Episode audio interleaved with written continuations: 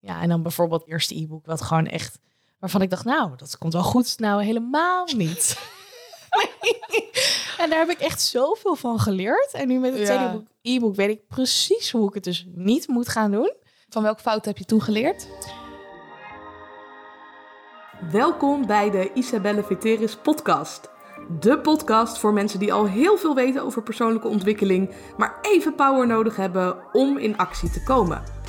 Ik ben psycholoog en in de topsport een van de sterkste vrouwen ter wereld geworden. En samen met experts leer ik je binnen een uur hoe je stopt met uitstellen en met een topsportmentaliteit in actie komt.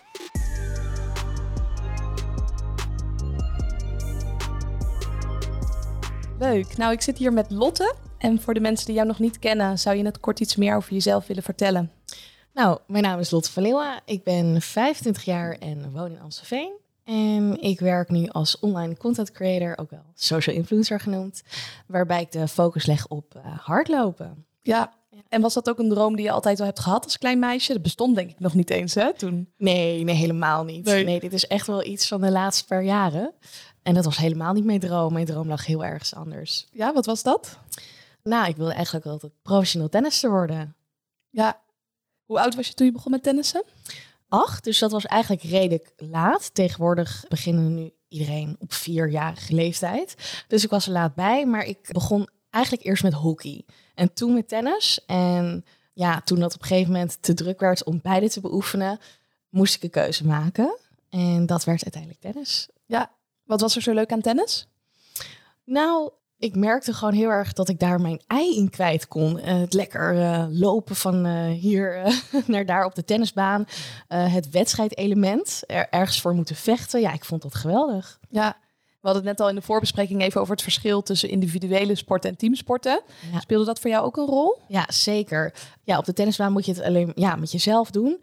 En daar lag inderdaad toch meer mijn passie dan bij een teamsport. Alhoewel ik hockey ook heel erg leuk vond. Maar ja, ik merkte bijvoorbeeld als ik er nu even over nadenk op het hockeyveld. Als ik dan, dan stond ik het liefst ook rechts vooraan. Dat ik gewoon helemaal in mijn eentje met de bal eh, naar voren kon. Dus eh, Ja.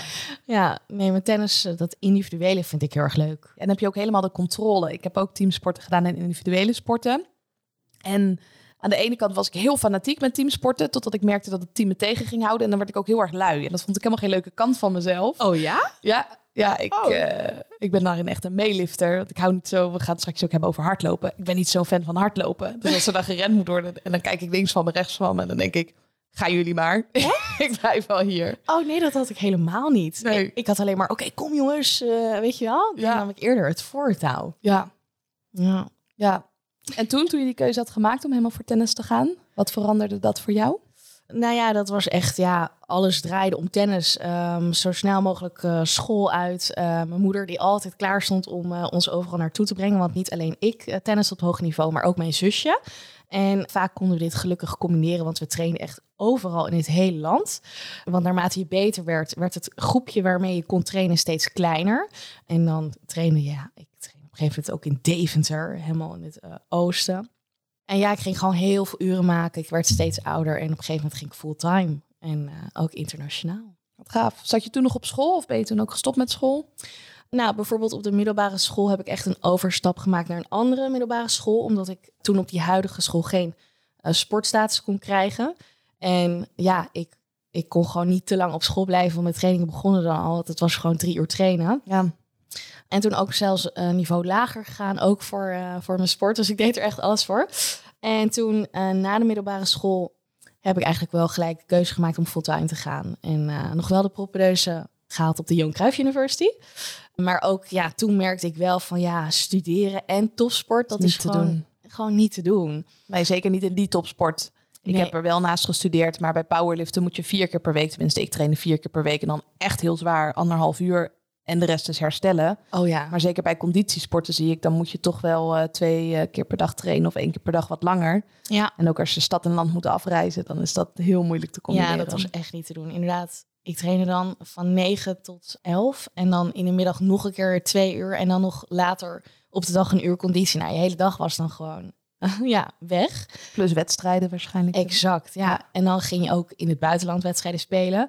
Dus dan, als je daar een toernooi speelde en dan dacht je, oh shit, over een week heb ik een tentamen. Ja, daar moet je focus ook niet bij zijn dan. Nee, dat gaat ten koste van je herstel of van je groei. Ja, ja dus dat eh, was eigenlijk ook geen optie meer. Maar ik wilde wel heel graag een papiertje hebben of in ieder geval mijn propedeus halen zodat ik die maar gewoon op zak had. en als je daar nu zo op terugkijkt op die overtuiging? Nou ja, eigenlijk heb ik, ja, heel eerlijk gezegd, was het niet nodig geweest. Ehm, want ja, nu heb ik het niet. Ja, het is niet nodig geweest. Nee. Nee, nee. zag ik bij mezelf ook. Ik heb dan de studie daarnaast gedaan. In mijn werk helpt het me denk ik wel.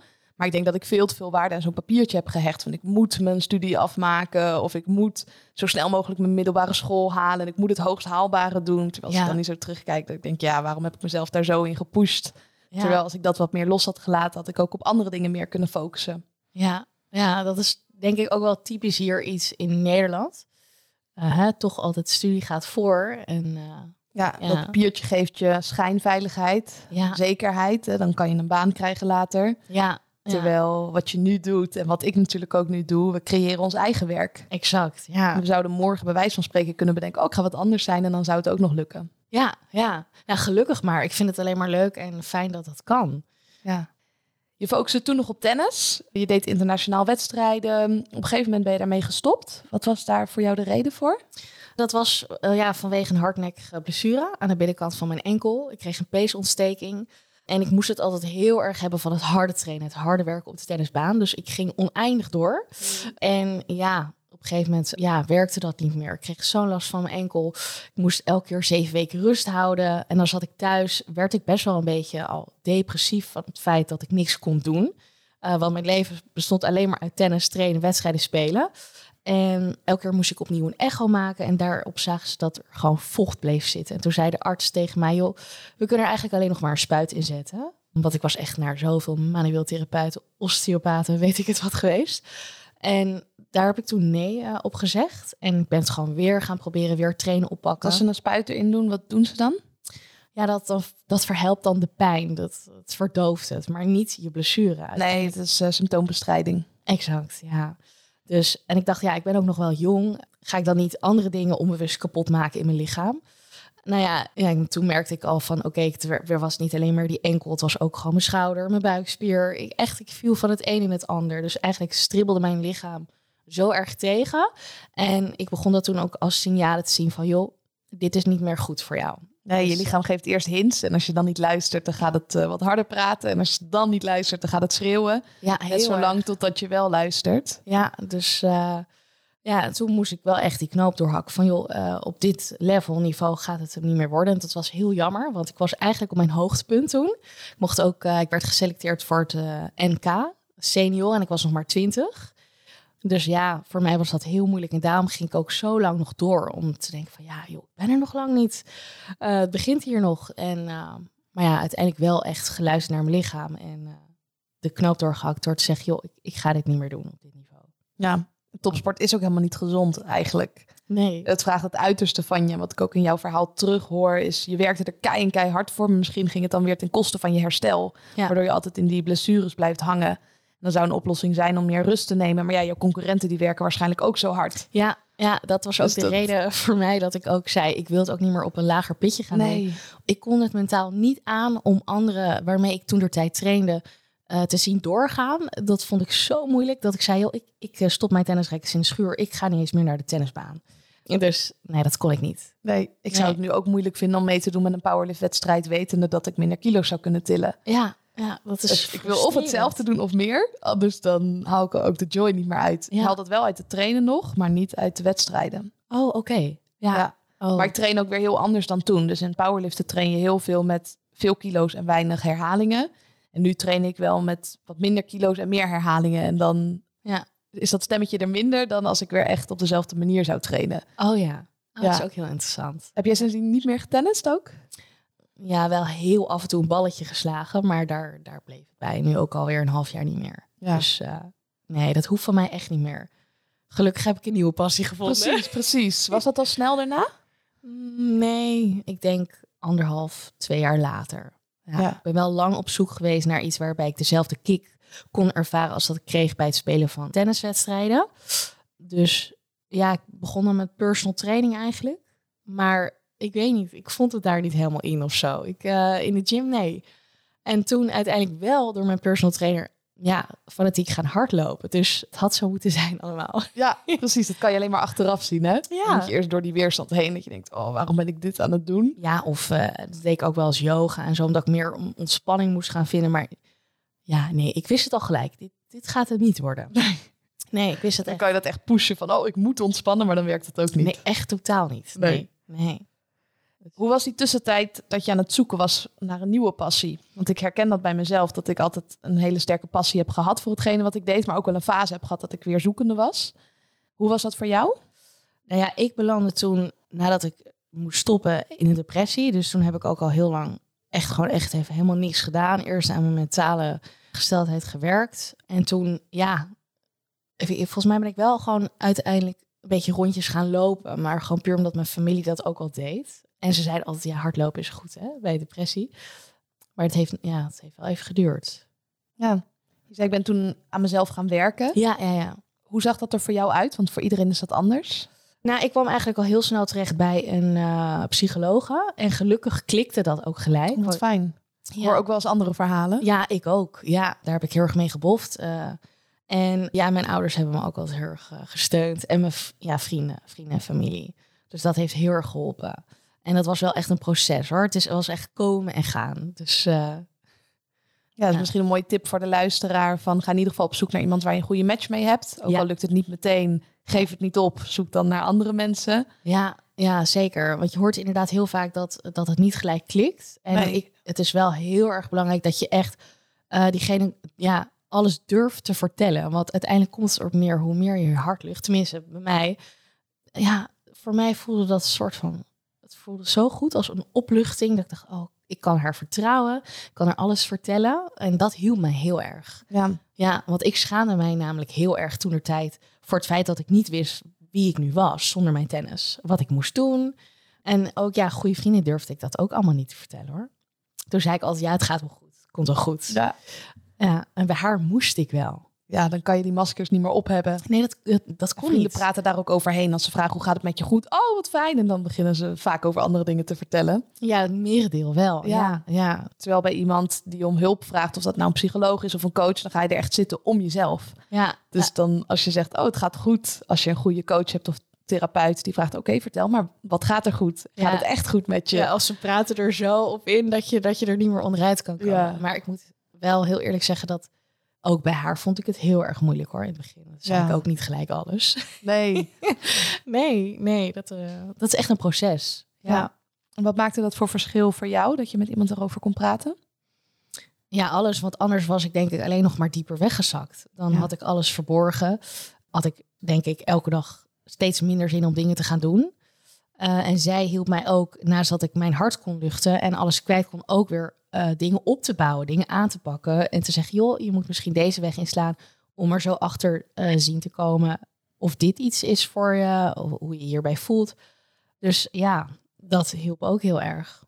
Wat ben je toen gaan doen? Want de topsport viel inderdaad voor je weg. Daar had je hele identiteit ook aan opgehangen. Ja. Welke dingen ben je toen gaan opbouwen voor jezelf? Ja, het was allereerst van ja, wat ga ik nu in het dagelijks leven doen? Het was ja, het was gewoon je hele invulling van de dag. Ja, ja, dus ik nam meer klusjes aan zoals hostessenwerk.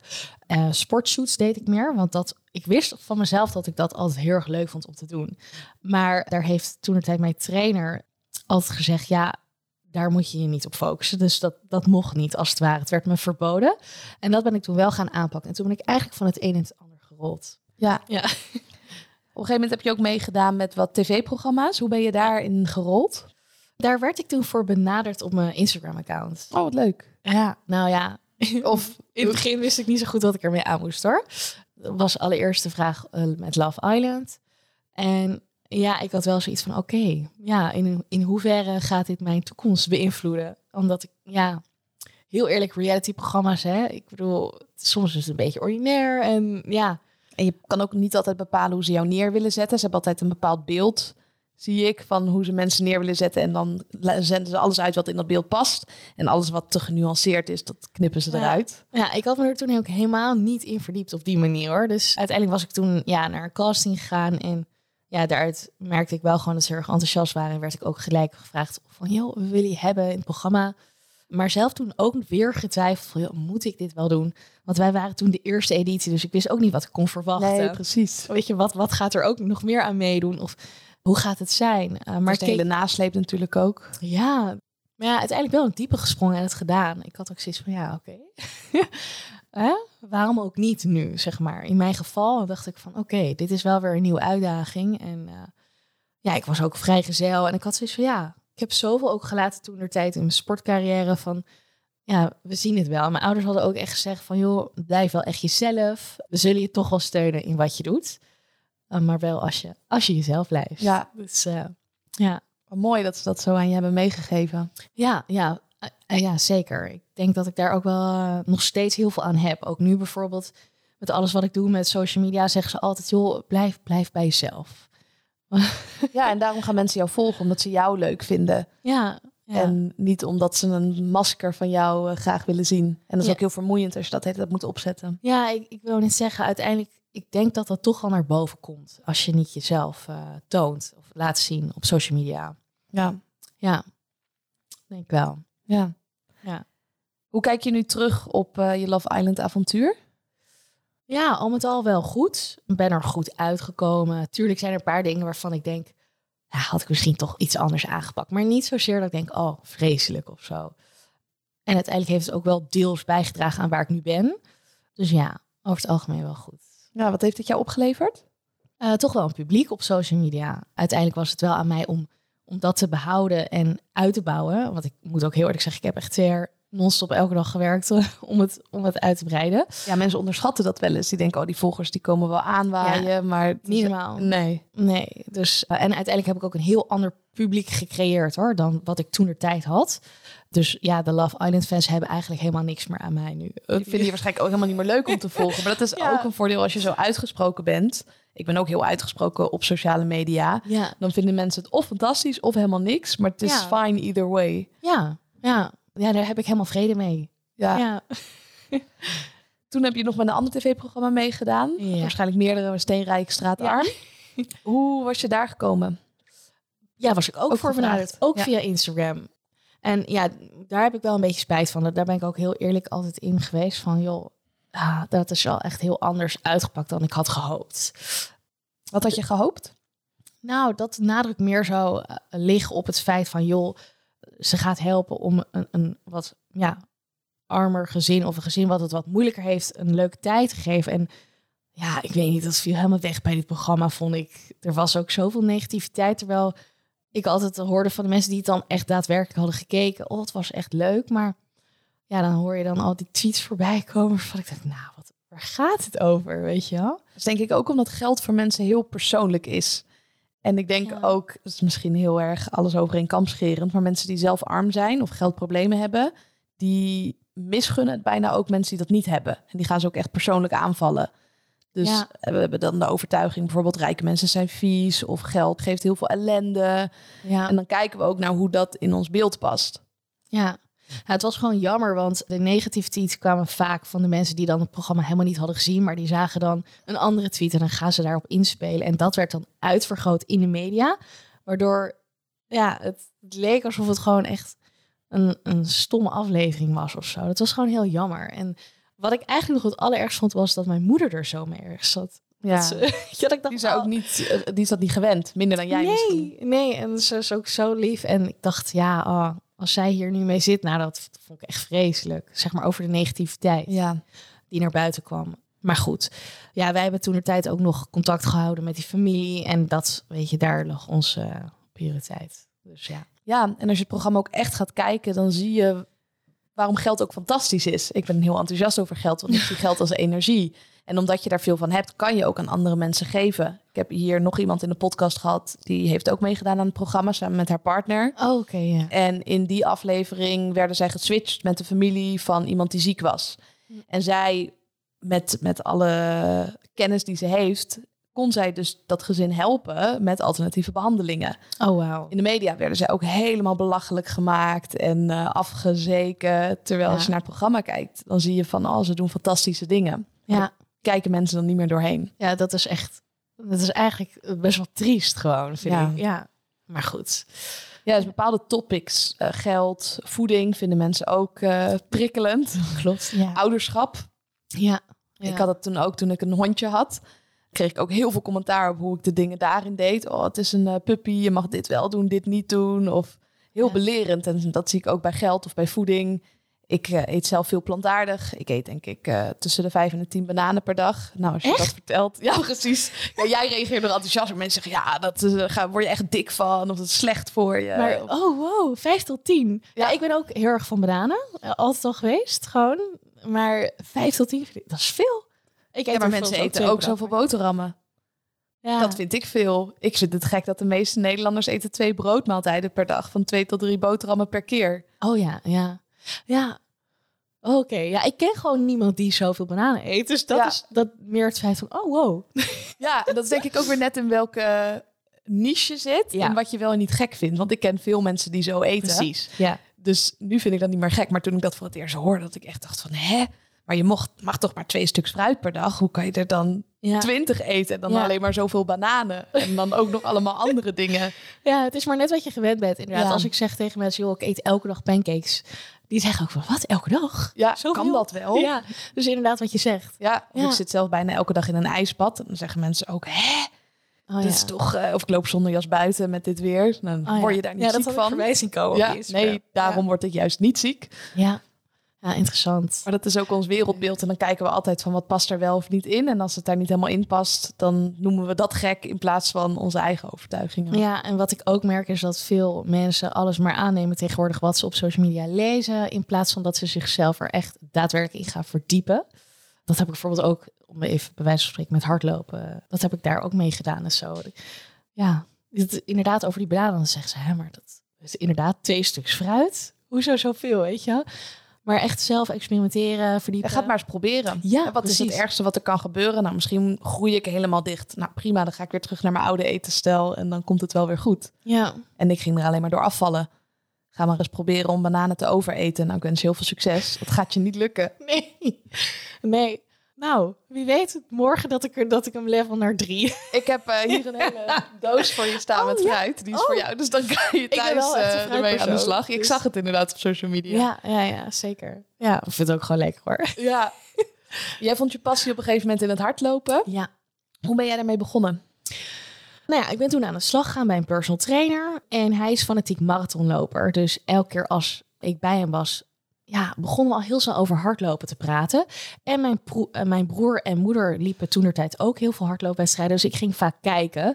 En dat begon zo eigenlijk een beetje te prikkelen. Dus heb ik gewoon gezegd, joh, ik ga me ook inschrijven voor mijn eerste halve marathon.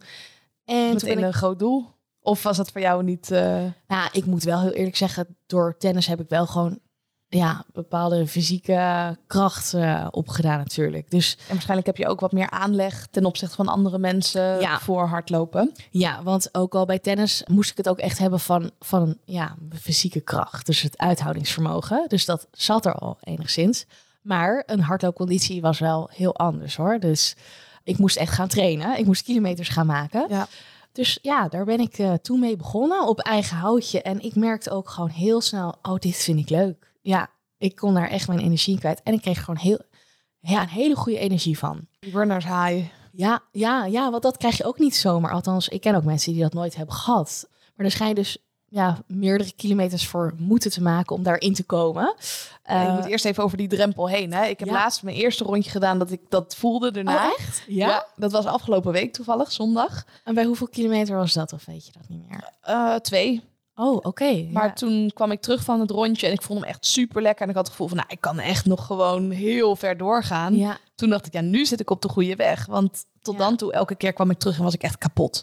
oké. En dan vond ik mezelf ook, nog- dan vind ik mezelf heel zielig. En dat Oh. ik. ik oh, het is zo vreselijk. En nu kwam ik terug en toen dacht ik, oh, ik heb eigenlijk nog energie over. Ik voel me super lekker. Oh. Volgens mij is dit het gevoel waar mensen het over hebben. Ja. Maar daarvoor heb ik nu al afgelopen maand drie keer per week hard gelopen. En vorige maand ook. Voordat je daar een beetje in de buurt komt. Ja, oh, wel Terwijl- steady al drie keer in de week. Dat is Ja. perfect. Raad ik vaak ook mensen aan. Ja, en ook kleine stukjes, dat je lichaam daar even aan kan wennen. Ik moet Ja. niet in één keer een halve marathon gaan doen. Nee, nee, nee, nee, zeker niet. Nee. Nee. Dus Alles mijn goed. doel is ook, en dat is ook de methode die ik veel mensen leer, om het in kleine stapjes te doen. Zodat het ook leuk blijft en weinig moeite kost. In plaats van dat je jezelf er heel erg in gaat pushen. Maar je moet jezelf altijd in een bepaalde mate wel pushen. Ja, Om toch eh, eraan te beginnen. zeker. En zeker het over ja, die drempel heen zetten. Dat is het Ja. begin. Dat is wel vaak moeilijk. Bij mensen die echt van niks komen en gaan beginnen met hardlopen. Maar het moet echt onderdeel van je ritme gaan worden. Ja, En dan inderdaad wat jij nu beschrijft. Dat je dan nu gewoon dat positieve gevoel hebt gehad.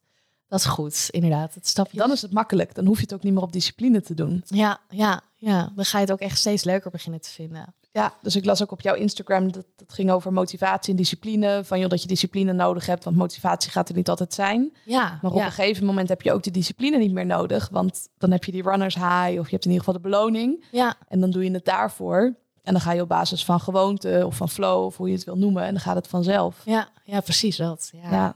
Met welke afstanden ben jij begonnen? Zes, zeven. Ja. Waarschijnlijk omdat jouw level al wat hoger was. Ja, Net als dat ik als ik begin met te squatten, dan begin ik ook niet met de lege Nee. bar, maar ook met 40, 50, 60 kilo. Ja, Ja, dat, dat Ja. is een beetje gelijk, denk ik. Ja, nee, zes, zeven kilometer was dat, ja. En dan ook gewoon echt wel rustig opgebouwd. Ik heb echt maanden wel echt getraind gewoon voor die eh, halve marathon. Ja. Ja. Moest je jezelf dan ook afremmen af en toe? Want je zei van de tennis was ik geneigd om keihard te gaan. Ja, ja dat is nog steeds wel mijn eh valkuil. Als ik eh, ergens voor ga, dan is het niet 100% maar 200. Ja. En dan kom ik me vaak zelf, ja, mezelf vaak tegen in het begin. Dus ik moest mezelf ja, zeker vaak afremmen. Maar dat is het mooie bij hardlopen. Dan kom je al snel genoeg erachter of jij te hard bent gegaan hoor. Dus dan, eh, Wat merk je dan? ja, blessures. Ja. Heel snel, ja. Dan klinkt het heel tof, hè? Van, oh, ik geef 200 procent. Ja, Maar als je daardoor geblesseerd raakt en helemaal niks meer kan doen... ja dat is dan onderaan de streep be- behaal je minder progressie... dan als je 100% had gegeven en dat consistent kan doen. Ja, ja, dus daarom, ik geef ook altijd mijn volgers mee als tip van begin echt rustig, jongens. En dan niet alleen met de training, maar ook echt met de hardloopwedstrijden zelf. Hoe vaak je wel niet ziet dat mensen te hard van, van start gaan bij de finish, of bij de start. Te veel hardloopwedstrijden doen. Ik heb... Ja. Ken je het boek van Klaas Boomstra? Nee, Boomsma? nee. Dat is de broer van. Arie. Ja. Die heet Ren voor je leven. En ik moet hard op lachen bij het boek. Omdat hij dus dat soort dingen doet waarvan ik obviously vind... Wow, dat is echt too much. Maar hij zit natuurlijk zo in zijn eigen bubbel dat hij denkt... Ja, tuurlijk, dan ren ik een marathon hier. Op een gegeven moment doet hij volgens mij een jaar twaalf marathons. In elke provincie doet hij er één. Oh, dat is niet normaal. Nee, precies. Dus zeggen max 2 à 3 marathons per Ja. jaar. Maar wow, die gaat twaalf. helemaal fanatiek. Van dat het ene extreme lezen. van zijn verslaving en het andere. Het is echt een goed boek. Mm. Maar toen ik dat boek las, dat ik dacht... Oh ja, ik moet het rustig aan doen. Ja, zo. Oh, wauw. Oké, Ja. dus eh, dat geeft hij dan wel mee. Ja, ja, dat ja. hij zelf eh, 12 marathons loopt. Ja, want hij deelt wel zijn eigen fuck-ups. Hij zegt, ja, ik Ja. heb dat wel gedaan. Maar toen raakte ik ook geblesseerd. Ik verloor het plezier ook in het hardlopen. Oké. En zij raadt het andere mensen niet aan om te doen. Dus zijn boek is meer de, de mindset voor het hardlopen, denk ik. Ja. En jij maakt ook echt schema's voor mensen, toch? Om hard te lopen. Ja, nou ja, nu heb ik dus een e-book uitgebracht en daarin maak ik wel echt schema's. Dus niet dat ik nu even los voor iedereen een schema maak. Nee, is ook niet te doen. nee, nee, nee, nee. En iedereen is ook weer heel anders. Dus het is best wel, de schema is heel specifiek. Ja. Ja. Dus, ja. Iedereen heeft een ander startniveau. Ja, daarom. Wil misschien meer of minder per week eh, hardlopen of tijd eraan besteden. Ja, en je doel. Andere er- sporten ernaast. Ja, ja, ook dat maakt uit. Dus, Ja, ja. Want toen ik nog topsport deed, toen liep ik bewust niet hard ernaast. Want powerlift is al heel intens voor je lichaam. Dus dan Ja. wil je ook niet zo'n intense prikkel als hardlopen er nog naast hebben. Want dat gaat weer ten koste van je herstel. Oh ja. Dus ik deed wel dingen als yoga, rustig aan fietsen. Maar echt niet nog hardlopen of crossfit of Nee. Dat soort Ja. type sporten erbij. Dus Ja. echt kiezen. En ik vind het nu leuk dat mijn topsport voorbij is. Want dan kan je helemaal losgaan in de sport. Ja, ja nou, ik hou dus, ik vind het wel lekker nu ik gewoon één ding heb gevonden waar ik echt volledig mijn passie in kwijt kan. Ik probeer ook heel vaak te denken van, joh. Of nou, de, de vraag wordt vaak aan mij gesteld van, ja, wat vind je nou leuker, hardlopen of tennis? En dat is zo'n moeilijke vraag, maar nu, ik denk wel echt dat ik dat hardlopen uiteindelijk veel leuker vind. Ja, Ja, en als je dan weer terugkijkt, dan is het ergens wel weer goed dat je ermee bent gestopt, toch? Anders had je het hardlopen misschien niet gevonden. nee, nee, want eh, inderdaad wat jij zegt van, dat je dan niet kan, kan hardlopen daarnaast, dat had ik toen ook met tennis. Dan kon ik ook niet de rondes maken die ik nu doe. Dat nee, dan ga je geen tennis. marathon doen, misschien een Nee. klein rondje. Nee, nee, alles eh, om blessures te voorkomen toen. Precies. Ja, Ik ben ook benieuwd, je bent nu onder andere bezig met hardlopen. Maar je bent ook influencer, je bent veel zichtbaar. En naar deze podcast luisteren veel ondernemers. En als ondernemer kom je er niet meer mee weg om onzichtbaar te zijn. Dan weten mensen je gewoon niet te vinden. Welke tip kan je meegeven aan de luisteraars die het spannend vinden om zichzelf te filmen of om content van zichzelf online te zetten? Ja, heel simpel. Echt heel veel oefenen. Gewoon, al eh, vind je iets slecht, probeer het opnieuw te filmen. Gewoon net zo lang doorgaan tot jij er tevreden mee bent. En al wel het lef hebben om het te posten. Dat is denk ik de eerste drempel. Dat weet ik nog ook heel goed bij mezelf. Dat ik dacht, oh, ik ga het toch anders doen op die video. Doe het nog een keer. En dan net zo lang doorgaan tot je denkt, oké, dit is zo oké.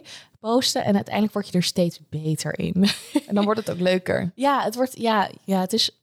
Zelfs ik vind soms dingen nu ook nog ongemakkelijk om op te nemen, video's. Maar ja, je moet wel gewoon uiteindelijk een beetje scheid hebben ook. Ja, mensen Ja. moeten maar nemen zoals je bent. eh, en er zelf in geloven, dat is heel belangrijk.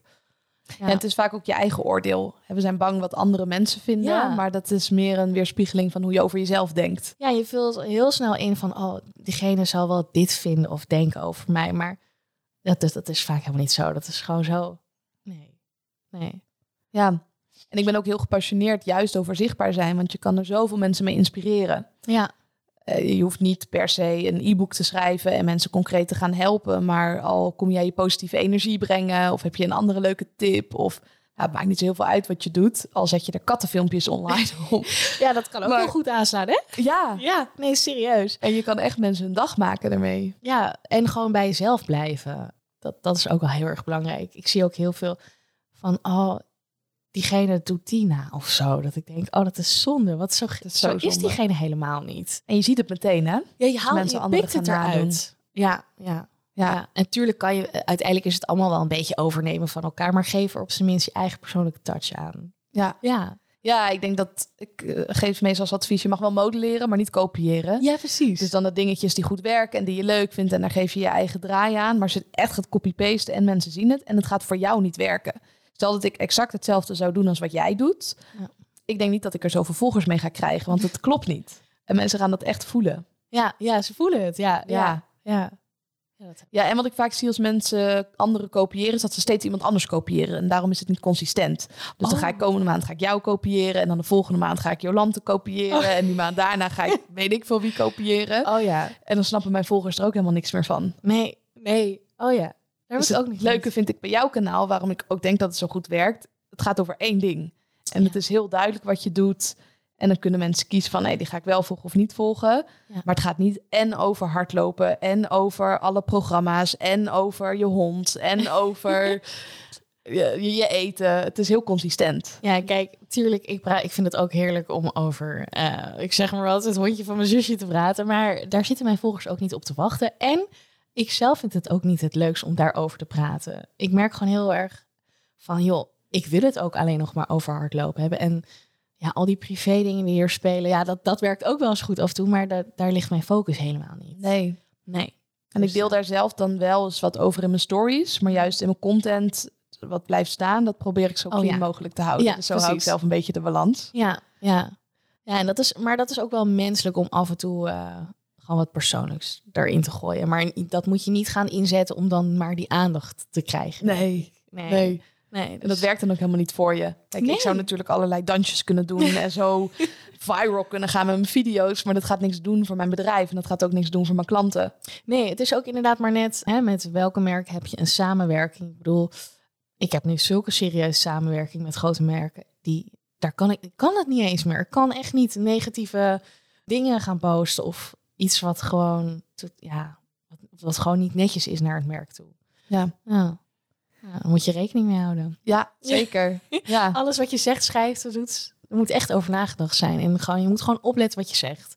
Heb je dan nog wel het gevoel dat je jezelf kan zijn? Ja, zeker. Ja. Ja, ja, ja, ja. Ja, daar hoef ik niet eens over na te denken. Nee, ik zie vaak dat mensen zeggen, ja, social media is fake. Maar ik denk dat je een bepaald stukje van jezelf laat zien. En dat stukje is 100% jij. Maar bepaalde stukjes hoef je ook niet te laten zien. En die zou Ja. je ook niet aan iedereen zomaar delen. Zou je ook niet aan, aan je buurvrouw laten zien. Nee, nee. ja, ik moet bijvoorbeeld eh, afgelopen maand, nou, had ik dus, voelde ik me eigenlijk gewoon fysiek echt heel slecht. En denk ik eigenlijk van, oh, nou, Het liefst laat ik dat helemaal niet zien, omdat ik gewoon het positief gedeelte van mezelf naar voren wil brengen. Maar dat is ook wel iets wat erbij hoort. Dus ik zit dan thuis en ik, oh, zou ik nou mijn volgers laten weten dat ja, dat ik er ziek doorheen zit, doordat ik corona heb opgelopen na die marathon. Maar dan kies ik er wel voor om dat dan toch te delen, maar dan blijf ik er niet meer in hangen. Dan is het op een gegeven moment van, oké, de mensen weten het, maar ik hoef er geen daarna niet meer verder op in te gaan om maar die aandacht te blijven houden. En ik merk ook gewoon, nou, dan weten ze het, maar ze zitten daarna weer te wachten op, uh, hè, bij wijze van spreken, wat mijn volgende hardloopdoel is en hoe mensen daar ook bijvoorbeeld voor zouden kunnen gaan trainen. Dus dat is, ja. Ja, het ligt er ook aan hoe je iets vertelt. Dus je kan aan de ene kant vertellen dat je ziek bent en dat je zo zielig bent en medelijden krijgen van je volgers. Of je deelt een bepaalde boodschap van hé, hey, ik ben ook maar een mens, ik ben ook ziek. Ja. En ondanks dat ik ziek ben, nou, rust ik even heel goed uit en dan ga ik daarna het hardlopen weer opbouwen en dan moet ik het ook weer opbouwen, maar dan ga ik uiteindelijk wel weer naar een doel toe trainen. Ja. En dat zijn twee hele verschillende dingen. Ja, ja, ja klopt. Ja. ja. Ik vind een hele mooie quote: share your message and not your mess. Ik zie dat sommige mensen social media gebruiken om hun mes te delen. Dus om lekker te spuien. En dat allemaal mensen gaan zeggen: Oh, wat naar voor je en wat zielig. En, oh ja. Of dan huilen ze in hun stories en zeggen mensen: Oh, wat goed dat je dit ook laat zien. Oh ja. Dan ben je het heel erg aan doen voor die externe validatie. Ja dat andere mensen dan jou gaan troosten omdat je dat zelf eigenlijk niet zo goed kan misschien. Dat is mijn oordeel weer. Ja. In plaats van dat je iets kon brengen naar je volgers. Ja, ja ik hou er zelf ook wel van als je echt wel met iets... Ja, ik kijk liever zelf ook naar positieve berichten. Dus ja, of in ieder geval iets waar ik wat mee kan. Ja, ja. Ja, en daarbij wil ik ook gewoon mensen motiveren en inspireren. Dus op een gegeven moment, uh, ja, nee, je moet er, ja, positieve vind ik gewoon heel belangrijk. Ja. Ja. Wat zijn jouw doelen voor de komende jaren? Heb je scherpe doelen of heb je dat juist losgelaten? Nee, nee, ik ben altijd wel heel erg van doelen stellen. Want dat houdt mij ook heel erg scherp.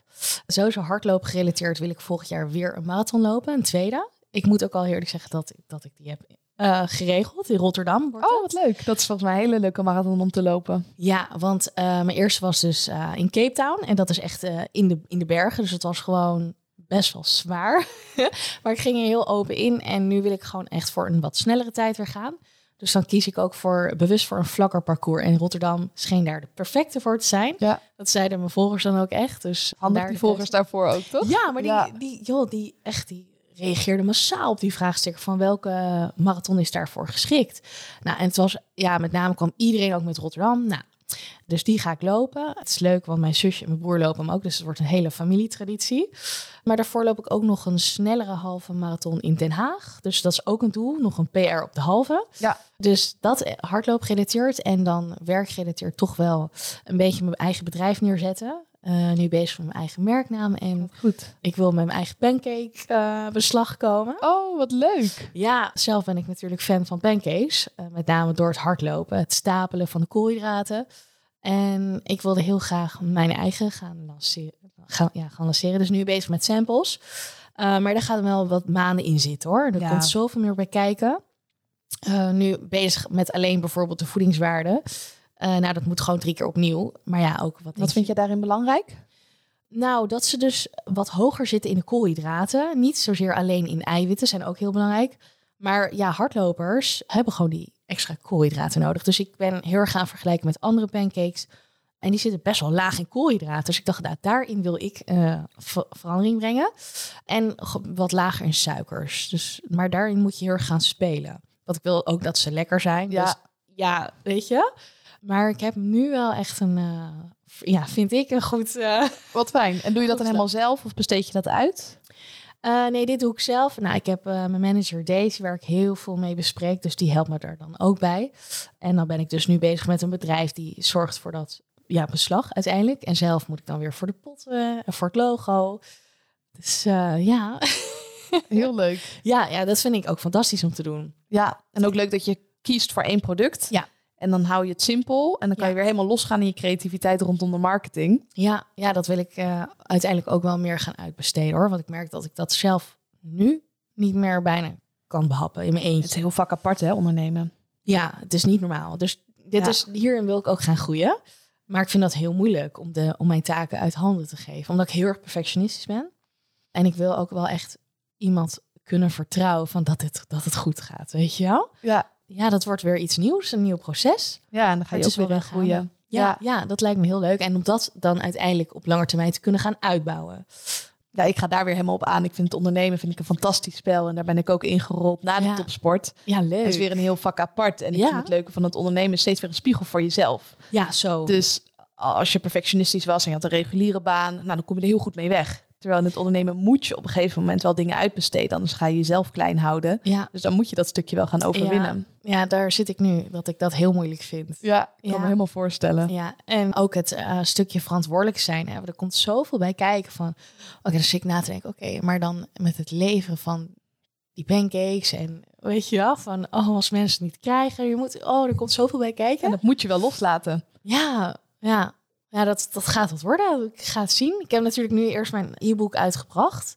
Nou, dat is goed aangeslagen. Ik ben nu ook bezig met het schrijven van mijn tweede e-book. Als vervolg, maar ook voor de mensen die al waren begonnen met hardlopen. En die dat willen uitbouwen.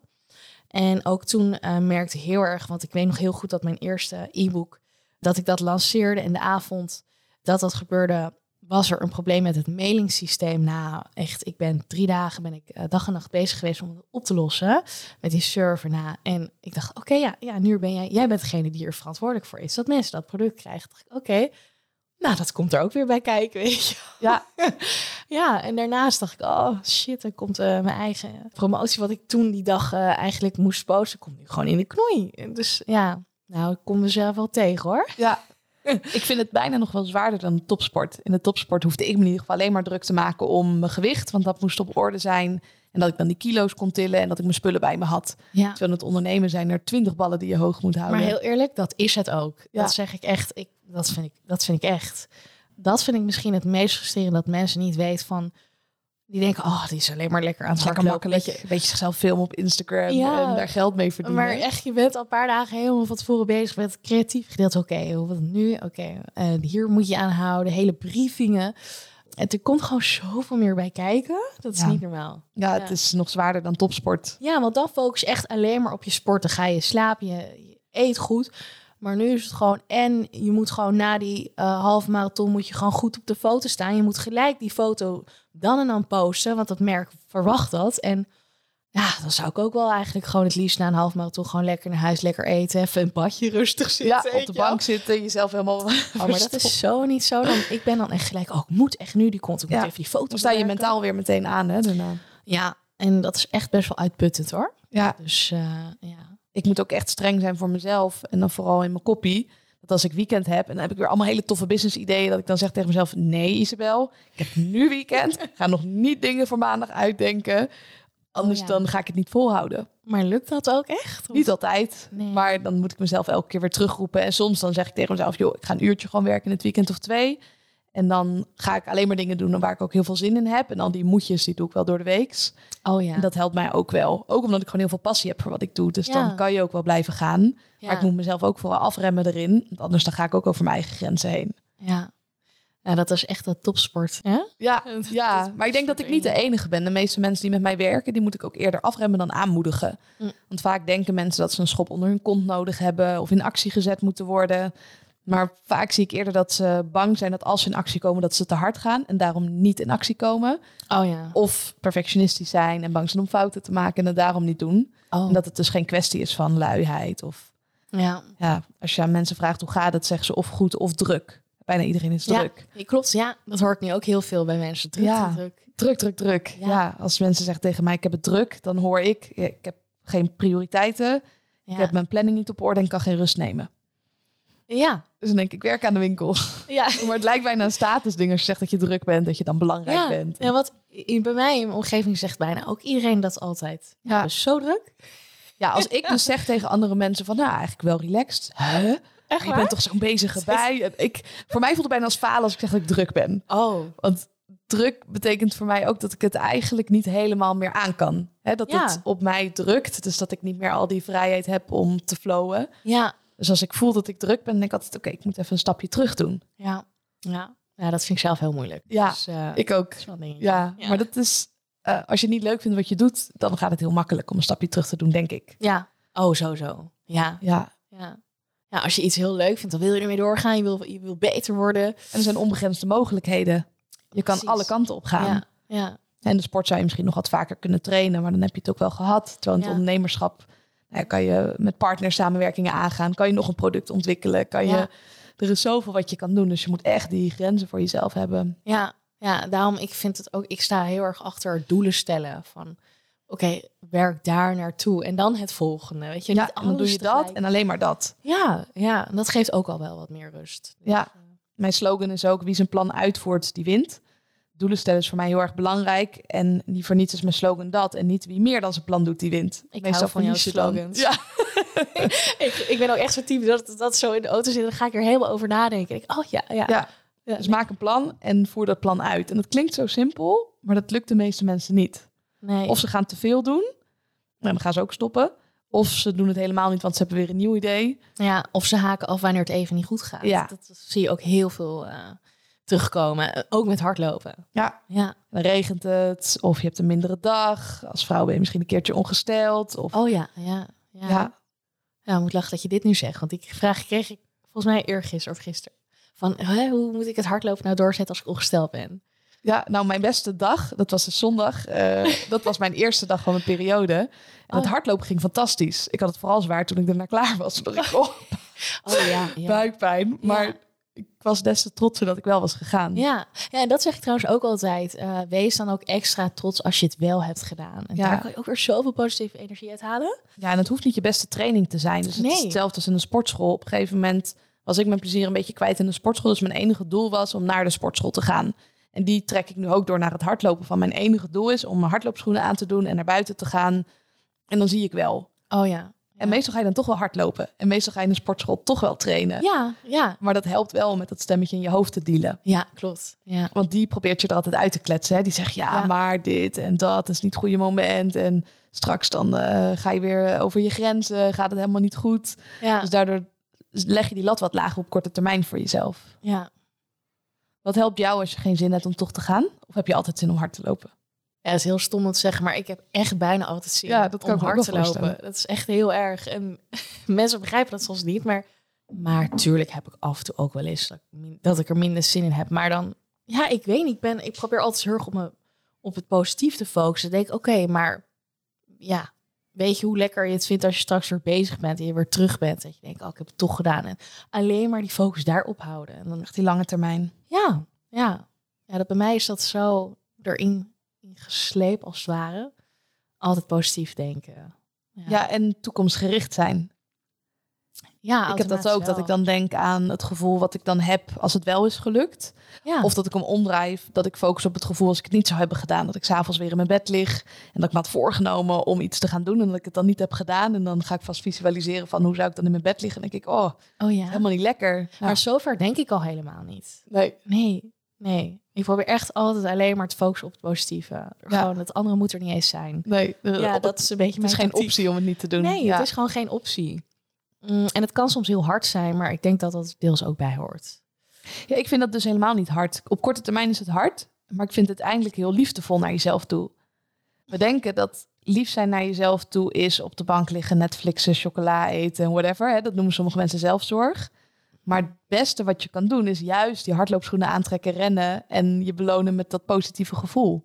Ja, inderdaad. Ja, dat belonen van, zeg maar, oh, lekker even inderdaad chillen en dan lekker eten bij. Denk ik van, ja, ik weet niet, vind ik ook heel raar of zo. Maar je moet het ook verdienen. En rust hoef je natuurlijk niet te verdienen, maar ik lig veel lekkerder op de bank na een workout dan als ik helemaal niks heb gedaan. Oh, en ik toch ook. dat stemmetje ergens heb van ja, ik heb met mezelf afgesproken dat ik zou gaan trainen, maar nu lig ik op de bank. Dan kan ik er ook niet van genieten. Ja.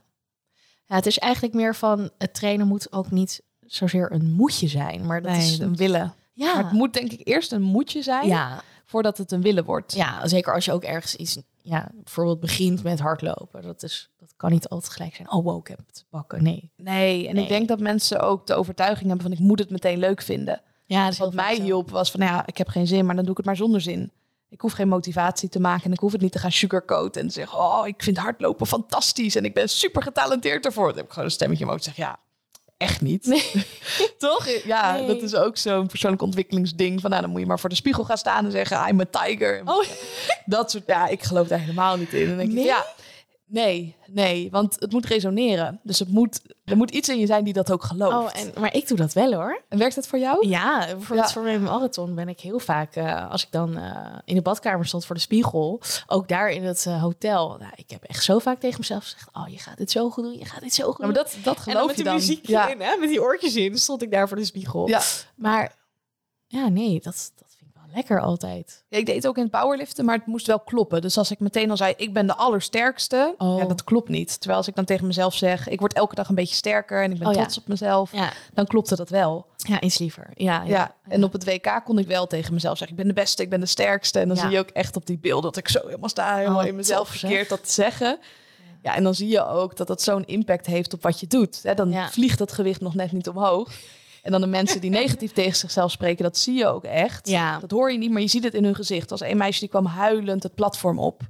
En die had zichzelf helemaal naar beneden zitten praten, waarschijnlijk Ja, achter de schermen. Zo belemmerend. Ja, Ja, dan is, dat is echt die kracht van die mindset. ja, ja. Dat is met hardlopen niet anders. Hè. De eerste man die een marathon liep, die deed het ook helemaal mindset. Die had niet getraind.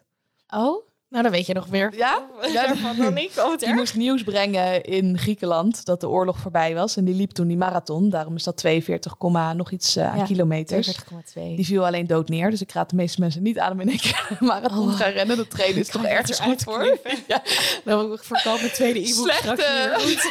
slechte marketing. Ja, daarom moeten ze juist gaan trainen. Oh, eh, ja, inderdaad. Ja. Ja, Rustig ophouden. rustig opbouwen. Ja. Ja. Zelfs als je te veel kilo tilt. Kijk, Ja. als bijvoorbeeld een moeder een kind heeft en dat ligt onder een auto, kan een moeder ineens ook een auto optillen. Ook al zou ze normaal gesproken niet in staat zijn om dat te doen, maar dit kan je een bepaalde knop omzetten. Kan je alsnog alles afscheuren hoor, dus het is niet gezond. Ja. Maar ik denk dat mensen vaak de kracht van hun mindset onderschatten. Ja, dus als je jezelf erg. vertelt, ik kan het niet, ik heb er geen zin in, dan gaat je lichaam daar ook op reageren, fysiek. Ja. Ja.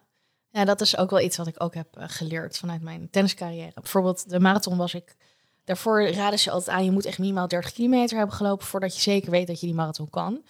Nou, ik had nooit langer dan 25 kilometer gelopen. En ik zei ook gewoon heel eerlijk tegen volgens jongens... eh, ik ga met goed vertrouwen erin. Ik voel me zowel mentaal als fysiek fit.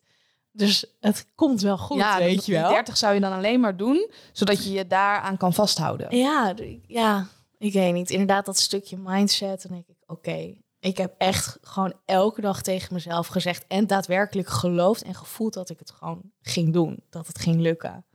Ja, nou ja. Ja, het Ja, is- en dan het zie is je dat het lukt, hè? Ja, Ja. ja. Dus ehm, ja, Daar gaat het uiteindelijk om, dat geloof in jezelf en ja. niet stoppen totdat het gelukt is. Ja. Dus het hoeft ook niet meteen te lukken. Nee, dat hoeft helemaal niet. Nee. En sterker nog, eh, een beetje. Ik denk ook echt wel dat stukje falen, dat, dat hoort er ook wel bij. Dat maakt je uiteindelijk alleen maar sterker. Als je daar weer bovenop komt, het dan wel de volgende keer haalt. Ja, Heb je wel eens gefaald in het hardlopen? Of Hoe ziet dat falen eruit? ja niet zozeer gefaald in het hardlopen. Tuurlijk heb ik, ik heb vaak genoeg gefaald, maar dan meer echt met, met trainingen inderdaad. Dat ik dacht dat ik het wel, eh, dat het allemaal wel lukte. En dat ik ging, ging ik elke dag op een gegeven moment lopen. Nou, mijn eh, lichaam brak op een gegeven moment hoor. En dat vind ik dan ook wel een stukje falen. Dat ik denk, nou, wat, ben je, waar ben je nou eigenlijk mee bezig? Wat heb je nou gedaan? Eh, weer niet luisteren naar je lichaam. Maar ik heb nooit heel erg de angst gehad om te falen eigenlijk. Nee, want dan ga je het helemaal niet doen.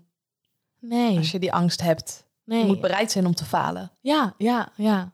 En ja, met tennis heb ik ook gewoon ja, veel wedstrijden. Ja, ik denk ook het verliezen van wedstrijden waarvan je had gedacht dat je die zou winnen, dat is ook misschien een soort van falen. Of misschien hoe mensen dat noemen. Maar ja, dat heb ik zo vaak meegemaakt op een gegeven moment. Ja, Ja, daar kijk je niet meer gek van op, nee, toch? helemaal niet. Nee, dus ehm, nee. Ja, en dan bijvoorbeeld bij wijze van spreken met dat eerste e-book, wat gewoon echt, waarvan ik dacht, nou, dat komt wel goed. Nou, helemaal niet. Nee. En daar heb ik echt zoveel van geleerd. En nu met het tweede e-book weet ik precies hoe ik het dus niet moet gaan doen. Ja, dus ehm, Van welke fout heb je toen geleerd? nou ja, ik was er gewoon blind van uitgegaan dat, dat mensen dat e-book wel kregen in een mailbox, omdat dat mailingsysteem vast wel goed zou gaan. Maar dat is dus, dat was helemaal niet zo. Dus eh, ja. Krijg je allemaal mailtjes van waar is dat e-book? Ja, want ja, mijn mensen of mijn volgers zijn heel erg eh, trouw of dedicated. Dus als ik zeg, joh, je krijgt het om zes uur in je mailbox, dan willen ze hem ook echt zes uur in die mailbox hebben. Nou, dat was niet zo, sommige pas. Twee dagen later, maar er was iets met die server aan de hand. Nou, en dat kon blijkbaar dus wel zo zijn. Dus ja, dat bij de volgende release zeg ik ook gewoon, joh, verwacht hem dan en dan. Of binnen die tijd, maar niet exact die tijd. Gewoon, ik weet Nee. precies hoe ik er nu op moet, ja, moet inspelen. Ja, je kan hem ook positief brengen, zit ik nu te bedenken. Van joh, als je hem binnen twee, hè, als je hem dan wel binnen hebt, me even mailen. Ja, en dan slaap ik ook weer rustig vannacht. En dan Oh, krijg ja. je hele leuke interactie met de mensen. Ja, ja, inderdaad. Ja, dat is superleuk. Ja, Ja, ja. Ik doe dat bij mijn boek ook. Dat ik zeg van joh, je hebt hem waarschijnlijk binnen drie tot vijf werkdagen op je deurmat. oh ja. Nee, laat even weten als je hem hebt. Dat vind ik sowieso leuk. Maak er even een fotootje mee. Ja. Deelt op social media. Maar als je hem niet hebt, laat het ook even weten. Ja. Nou, ik heb wel eens mensen die mij dan bellen. En dan zeg ik supergoed. Weet je wat ik doe?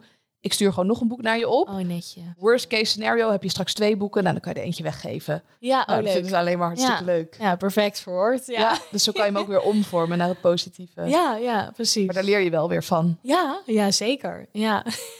ja, je moet ergens beginnen. hè? Ja, en gewoon Ja. ervan uitgaan dat je op je bek gaat. Mijn eerste podcast heet ook mijn eerste en beste of slechtste podcast ooit. Oh, echt?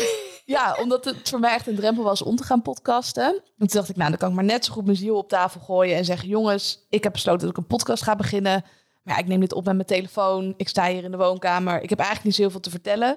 Maar toch ben ik gewoon begonnen met praten. En ik Ja, weet dat dit mijn slechtste doen. podcast is. Ja. Maar dat is gewoon de eerste stap. Mijn eerste keer in de sportschool was ook de slechtste keer ooit. Toen heb ik twee oefeningen gedaan en was ik helemaal stuk. En helemaal overweldigd door die sportschool en al die mannelijke energie. En Oh, ja. al die apparaten. Dat ik dacht, wat doe ik hier? Ja. Maar ik ben wel blijven gaan. En Ja. daardoor ben ik daar zo goed in geworden. Ja, dat is echt jouw kracht. Ja, Ja. ja. En vind ik mooi wat je zegt over dat falen. Van je moet bereid zijn om te falen en daar naartoe durven gaan. En daardoor ga je beter worden en winnen uiteindelijk. Ja, ja. En ook gewoon dat je denkt, oh, dit, dit was echt niks vergeleken met wat ik toen had meegemaakt. Weet je wel, je komt er zoveel sterker uit. Ja, Ja. ja. En ook, ik, ik heb natuurlijk ook het een en ander meegemaakt. Mijn luisteraars weten dat ook wel. Dan is het eigenlijk niks vergeleken met dat. Nee, nee. Nee, dat- ik eh, kijk ook heel vaak terug als ik eh, even in een dipje zit of zo. Of iets meemaak wat ik minder leuk vind. Dan denk ik, oh, nou, dat was niks vergeleken met de depressielot. Nee, kan jij precies. zo aan. Ja, ik vind het ook niet raar. om- Ik zeg ook wel eens tegen mijn vrienden, ja, het is misschien raar wat ik nu ga zeggen, maar ergens ben ik wel blij dat ik die door die depressie heen Ik ben ben heel blij dat ik heb gehad wat ik heb zoveel gehad. sterker gemaakt. En eh, ja, ja, dat durf ik wel echt eerlijk te zeggen. Ja, Ja, en ik denk dat iedereen zichzelf wat tegen gaat komen in het leven. Dus Ja, kan je dat maar beter eerder in je leven hebben gehad. ja. En toen was dat voor mij het einde van de wereld, want ik bleef ook zitten daardoor. Oh, Nou, dat was op de middelbare school eh, bij mij in ieder geval echt een ding. oh, En nu ja, denk ja. ik, ik ben zo blij dat ik mezelf toen al heb leren kennen. ja. Toen al heb gekozen voor wie ik wil zijn, in plaats van met alle winden meewaaien. En dat heb jij denk ik ook wel gehad, dat je dan die vragen krijgt van ja, wie ben ik nou eigenlijk? En wie wil ik zijn? En wat wil ik doen? Ja, daar schaamde ik me voor dat ik het niet wist. Ja, ja ik had Ja. het ook. ja. ja. En daarvoor wist ik het ook eigenlijk niet. Hm. Dus ik verloor mezelf in het minder eten, heel veel bewegen, zodat ik daar niet over na hoefde te denken. Oh ja. En dan ineens moet je daar wel over na gaan denken. Ja. Nou ja, dan kom je tot de conclusie, shit, ik weet het niet. Ja. En dan ga je op zoek naar die antwoorden. En als je het dan wel hebt gevonden, dan is het top. Maar die hele weg ernaartoe, eh nee. Nee. Ja. En ik denk ook met veel dingen, en dat hoor ik vaak succesvolle mensen zeggen, als ik het van tevoren allemaal had geweten, had ik waarschijnlijk dat hele pad niet bewandeld. Dan wist ik over al die dieptepunten en dat ik misschien voor de makkelijke weg gekozen. Maar achteraf ben ik dan wel heel blij waar ik nu sta. Ja. ja, daar heeft dat deel bij aan bijgedragen, toch? Ja. Ja. En het helpt denk ik ook weer om risico's te durven nemen voor de toekomst. Ja. Dat je denkt, kijk eens wat voor dingen ik allemaal heb kunnen dragen. Nou ja, het is een risicootje, maar ja, als het niet lukt, het komt wel goed. Ja, ja veel reflecteren. Hè? Ja, neem je daar ook echt de tijd voor? Maar het is ja ook niet zozeer dat ik daar de tijd voor moet nemen. Dat, doe, dat gaat een beetje automatisch wel. Ja. Ja. Dat is denk ik ook die topsportmentaliteit, hè? Ja, ja. Ja, Dat- altijd dat- weer kijken, oké, wat, wat ging er dan niet goed en hoe kan ik het weer beter doen? Dat is er zo, dat is zo automatisch voor mij. Ja. Ja, dat heb ik ook wel. En dat ik dan weer denk aan de toekomst, wat ik dan allemaal zou kunnen doen. En dan terugkijkend van, hé, hey, wat ik meer uit mijn dag bijvoorbeeld kunnen halen. Ja, Soms meer rust nemen of juist wat productiever werken. En zo Ja. ben je constant bezig om jezelf te verbeteren. ja, ja. Oh ja, elke dag. Ja. ja. Heb jij dan ook dat je bijvoorbeeld dan terugkijkt eh, naar een jaar geleden, dat je denkt, wow, ik ben zoveel veranderd? Qua wat in, in doen of in persoon. Gewoon qua hoe je leven er ook uitziet. Omdat je zo bezig bent met jezelf verbeteren, dat je steeds nieuwe dingen aan het creëren bent. Nee, dat, nee, dat, Dat niet? valt eigenlijk wel mee. Nee, nee.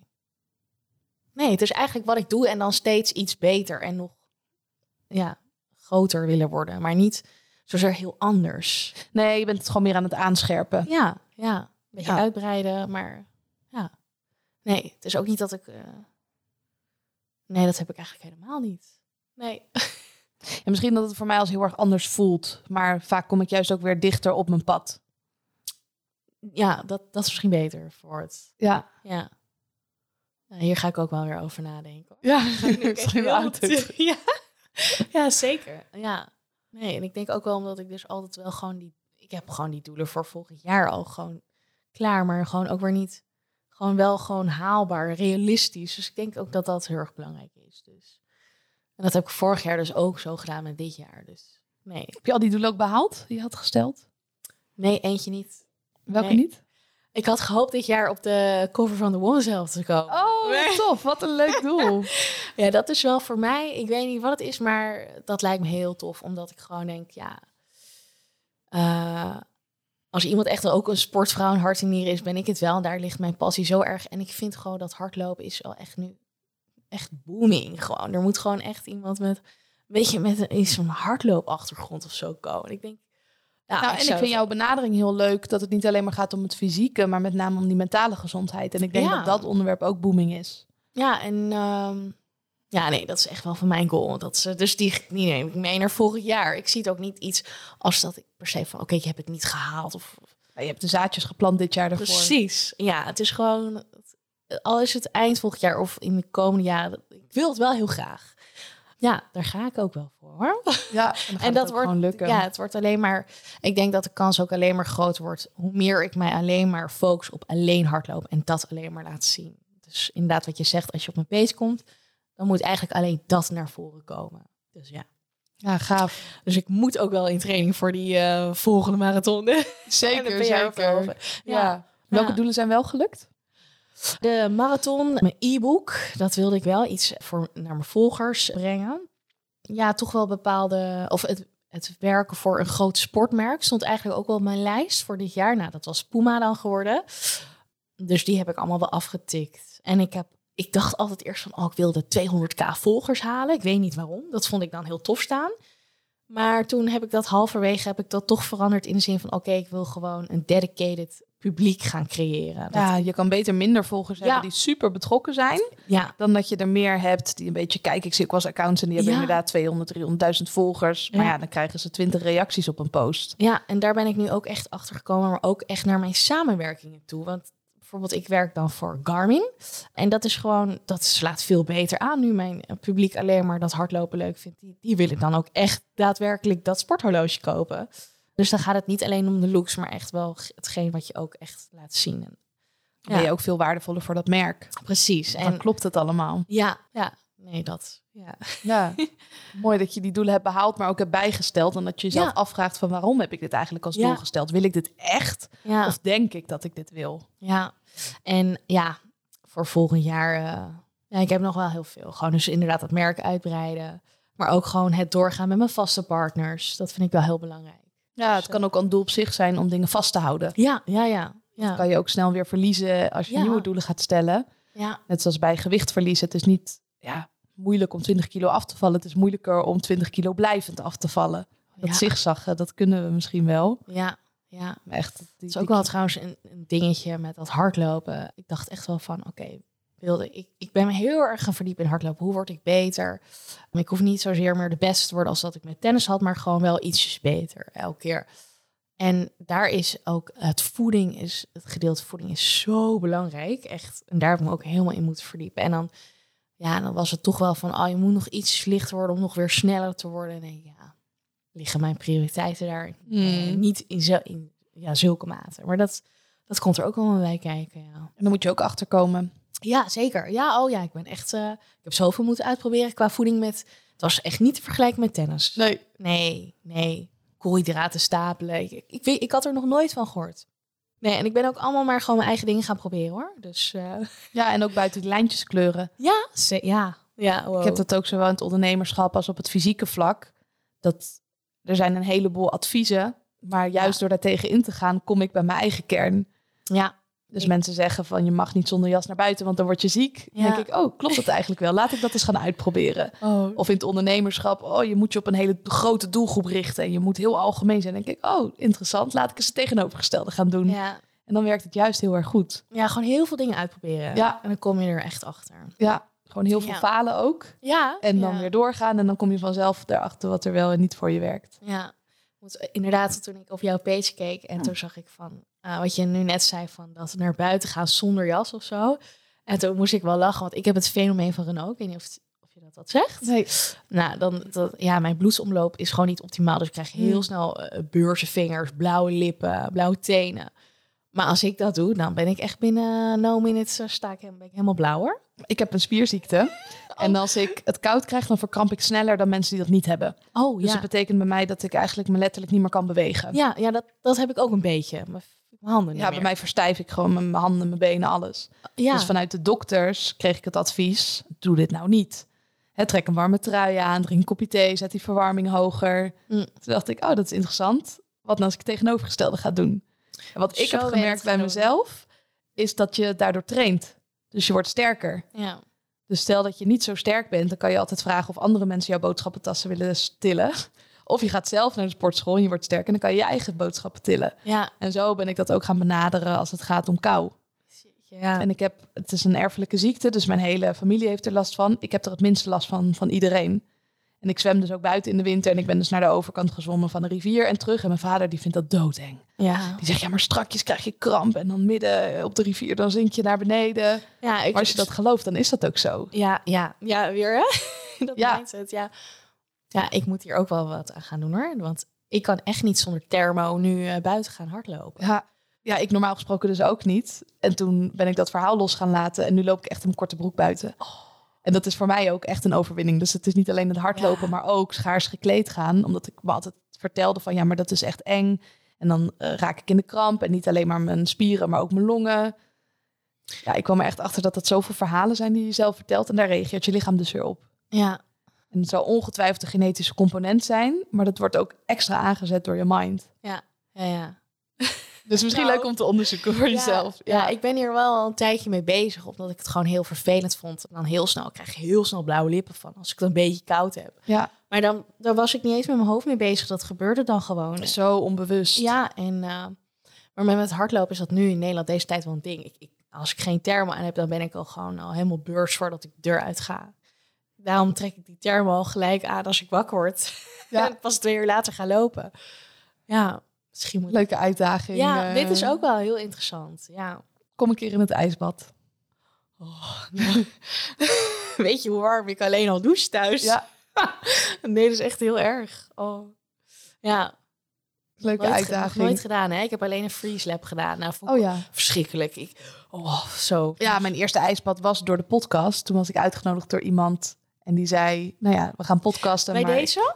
Ik ga het doen met je, oké? Ja, ja, ja, Deal. serieus. Mensen kunnen het niet zien op beeld, maar eh, Heel handjes zijn Ja, precies. Nee, of we moeten het juist wel opnemen. Ja. Ja. Ja. dan nemen we het op beeld op. Oh, ja, ja, Tuurlijk, ja. maar we hebben nu geen camera erbij, maar het is ja, goed. En dan moet ik echt wel ook aan mijn ademhaling gaan werken, hoor. Ja, maar dan gaan we daarvoor wat ademhalingsoefeningen doen. Ik Ja. help je daar helemaal bij, dat je niet in de paniek schiet. Ja, ja. En dan eh, gaan we lekker naar Ouderkerk en dan gaan we daarna opwarmen in de sauna. Dus dat komt helemaal Oh, oké. Oh, dat, is- en dat vind ik heel leuk. Ja, ja. Dat zeg ik nu, hè? Maar op het moment dan eh, moet ik even bikkelen. Het is maar twee minuten. Eh, Twee minuten scrollen op je telefoon is zo voorbij. Dus in het ijs. Oh, s- wel maar twee minuten. Ja, Oké. Nou ja, hè? maar twee minuten. precies. Precies. Oké, ja, leuk. Leuk. Ja, Nou, ik heb al mijn vragen gesteld. ja? oké. Heel erg bedankt voor deze leuke podcast. Gaan we hem afsluiten. Jij bedankt, vond het ook heel leuk. Ja, Ja. dankjewel weer voor het luisteren naar deze podcast. Als je me zou willen helpen door dit te delen op social media, door een review te plaatsen van 5 sterren, door een reactie te geven, dan zou ik dat echt super fijn vinden en dan ben ik je daar enorm dankbaar voor. Als je deze podcast luistert, dan betekent het waarschijnlijk ook dat je bezig bent met je persoonlijke ontwikkeling. Dat je al heel erg veel misschien erover weet, maar dat het je niet lukt om in actie te komen. Dat is ook precies de reden dat ik een boek daarover heb geschreven. Het heet Stoppen met uitstellen, hoe je met een topsportmentaliteit in actie komt. Ik zal sowieso even een linkje in de show notes plaatsen, maar je kan het bestellen voor minder dan twee tientjes via mijn website isabelleveteris.com slash boek. Of je kan hem gewoon bestellen via bol.com. Superleuk uh, als je dat doet. En dan uh, ga ik een persoonlijk kaartje voor je erbij doen en dan krijg je hem op je deurmat. Tot de volgende aflevering.